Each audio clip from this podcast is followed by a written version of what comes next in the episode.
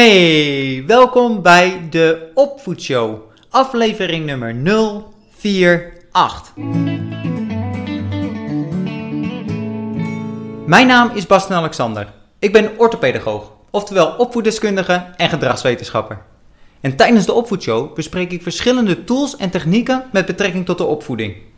En daarnaast nodig ik ook regelmatig andere experts uit om samen dieper in te gaan op specifieke onderwerpen.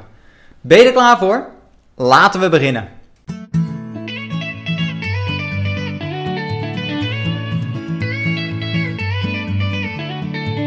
Ouderschap is een van de mooiste dingen die je kunt overkomen. En die ook de grootste impact zal maken op je leven.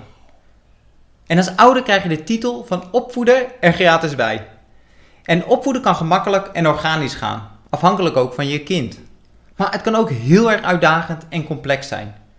En die complexiteit wordt eigenlijk alleen maar groter met alle veranderingen in de maatschappij.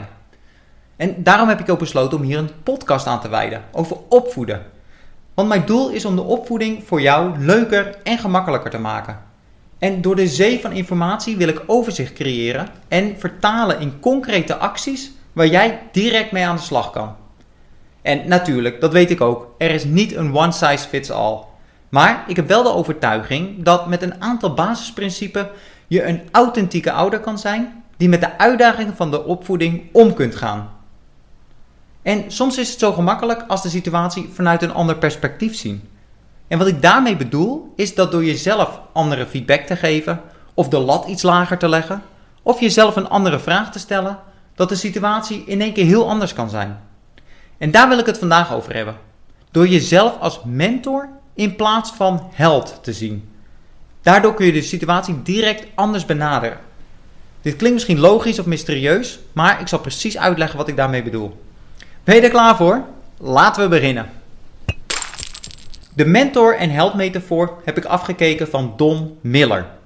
Don is een marketingleider over hoe je de boodschap van je business over kunt brengen. En hij zegt: presenteer jezelf niet als de held die het probleem van je klant oplost, maar laat de klant de held zijn en stel je op als gids of als mentor.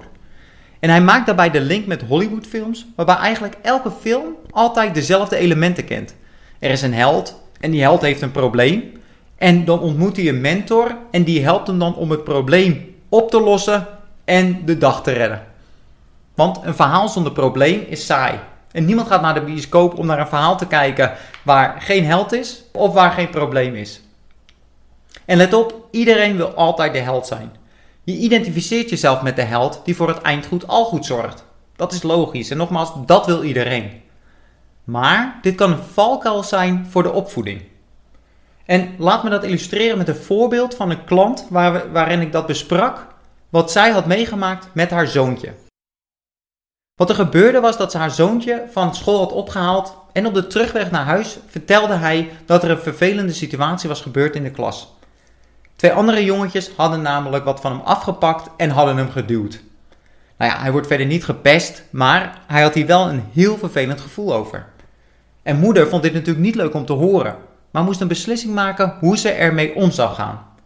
Nou, bepaalde opties die ze had. Ze had direct naar de ijskoopman kunnen rijden, lekker ijsje kopen, zodat zoon zich beter zou voelen.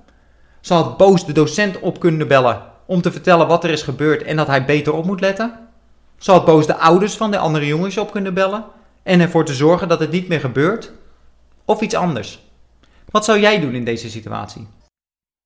Nou, nou wil ik niet zeggen dat er een goed of een fout antwoord is. Maar ik wil wel deze situatie gebruiken om de held- en mentor-metafoor te verduidelijken. Nou ja, zoals altijd, we beginnen bij het begin. Het doel van de opvoeding is om 1. een veilige en stimulerende omgeving aan je kind te bieden. 2. normen en waarden van de maatschappij mee te geven. En 3. zelfverzekerdheid en veerkracht te ontwikkelen bij je kind. Nou, en die mentor-held metafoor die past bij dat derde punt. Hoe kun je nou zelfverzekerdheid en veerkracht ontwikkelen bij je kind? Nou, ik zei zojuist, iedereen wil de held zijn. Dat wil ik, dat wil jij.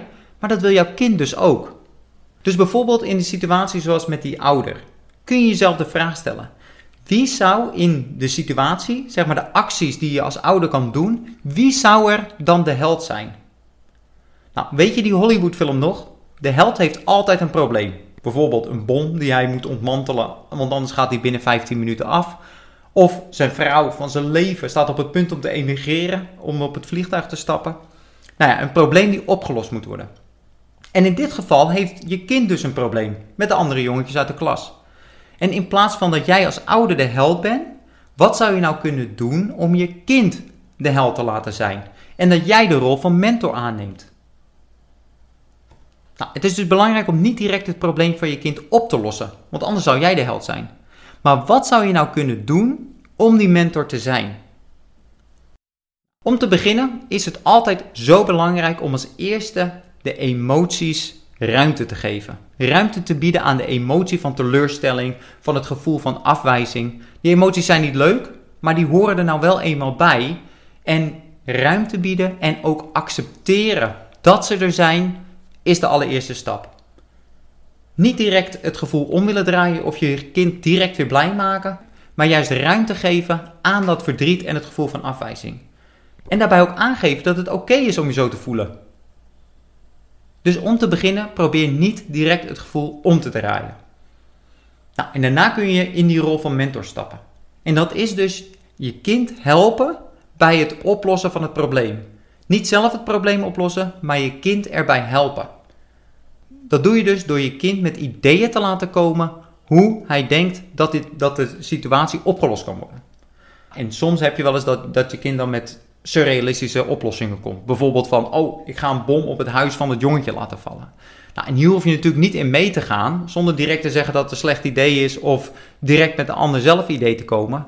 Maar je kan daarop reageren met de vraag van, hoe zou je denken dat de ouders van het jongetje dat idee zouden vinden?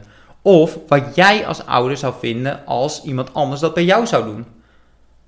Nou, en vervolgens kan je doorvragen wat een eventuele andere oplossing is. En zo kan je dat dus een beetje sturen, maar laat het wel de oplossing van je zoon zijn en niet jouw oplossing. En vervolgens kun jij dan helpen om het om te zetten in acties. Welke acties moet je dan ondernemen? En daarbij kan jij zelf ook een rol aannemen en bepaalde acties ondernemen. En zie je dan wie aan het eind van de dag de held is? Dat op het moment dat jouw zoon met oplossingen komt en hierin actie onderneemt, dat hij de held is van zijn eigen leven. En dit betekent nogmaals niet dat jij helemaal niks hoeft te doen. Natuurlijk kun je helpen en natuurlijk kun je samen naar de meester gaan of naar de juf gaan en daar een voorbeeld voor zijn.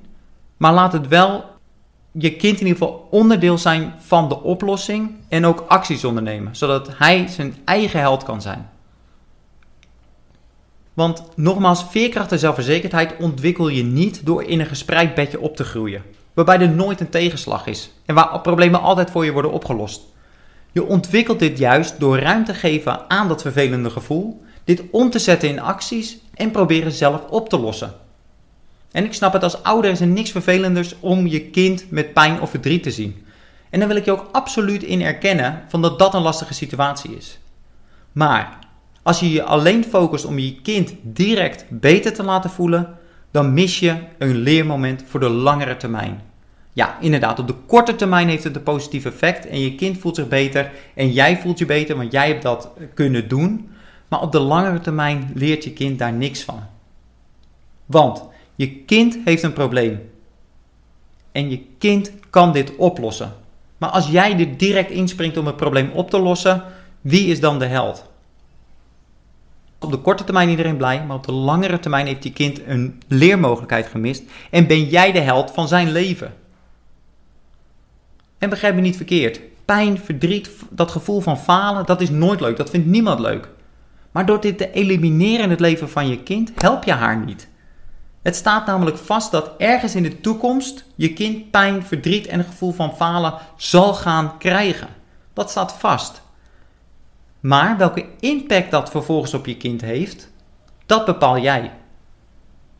Want als jij je kind leert om met dat gevoel om te gaan en dat in acties om te zetten, dan zal die impact veel kleiner zijn of veel positiever zijn dan dat jij telkens de problemen oplost en dat je kind dat, dat gevoel niet kent. Dus wat doe je? Los je alle problemen op en ben je de held? Of geef je tools, stel je, stel je vragen en begeleiding, zodat je kind het op kan lossen en laat je haar de held zijn. Oké, de challenge van deze week is tweedelig. Aan de ene kant wil ik je vragen om eens terug te kijken op een situatie waarbij je kind pijn of verdriet had en hoe jij hierop reageerde. Was je de held of was je de mentor? En belangrijk is van hoe je ook reageerde, al was je zelf de held, veroordeel jezelf niet. Want alles met de goede bedoelingen is goed. En ruimte voor ontwikkeling zal er altijd zijn. Dus nogmaals, welke rol nam je toen aan? Als dat de held was, bedenk dan voor jezelf hoe had je als mentor kunnen handelen. En daarnaast wil ik je ook vragen om aankomende week jezelf diezelfde vraag te stellen op het moment dat je kind met een probleem te maken krijgt.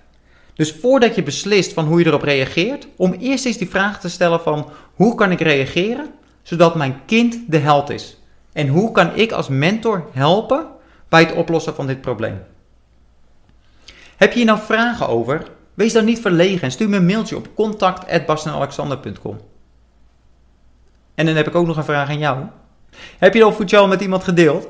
Als zou het maar met één iemand zijn. Dat zou al zo'n enorme impact hebben. Als je nou iemand kent die deze informatie goed kan gebruiken en hier ook mee aan de slag kan, voel je dan vrij om de aflevering te delen. En vergeet ook niet om een recensie achter te laten in jouw favoriete podcast-app. Onthoud, vermijd de strijd in de opvoeding. Door anders te communiceren naar je kind en de frustratie er maar leeg te houden, kun je de strijd in de opvoeding vermijden en een gezinssituatie creëren waar je altijd van hebt gedroomd. Benieuwd hoe? Neem een kijkje op bastenalexander.com en laat je e-mailadres achter, zodat je de eerste bent die op de hoogte is zodra een nieuwe aflevering van de Opvoedshow online is. Dit was hem weer voor deze week. Go get them, je kunt het! Tot volgende week. Ciao.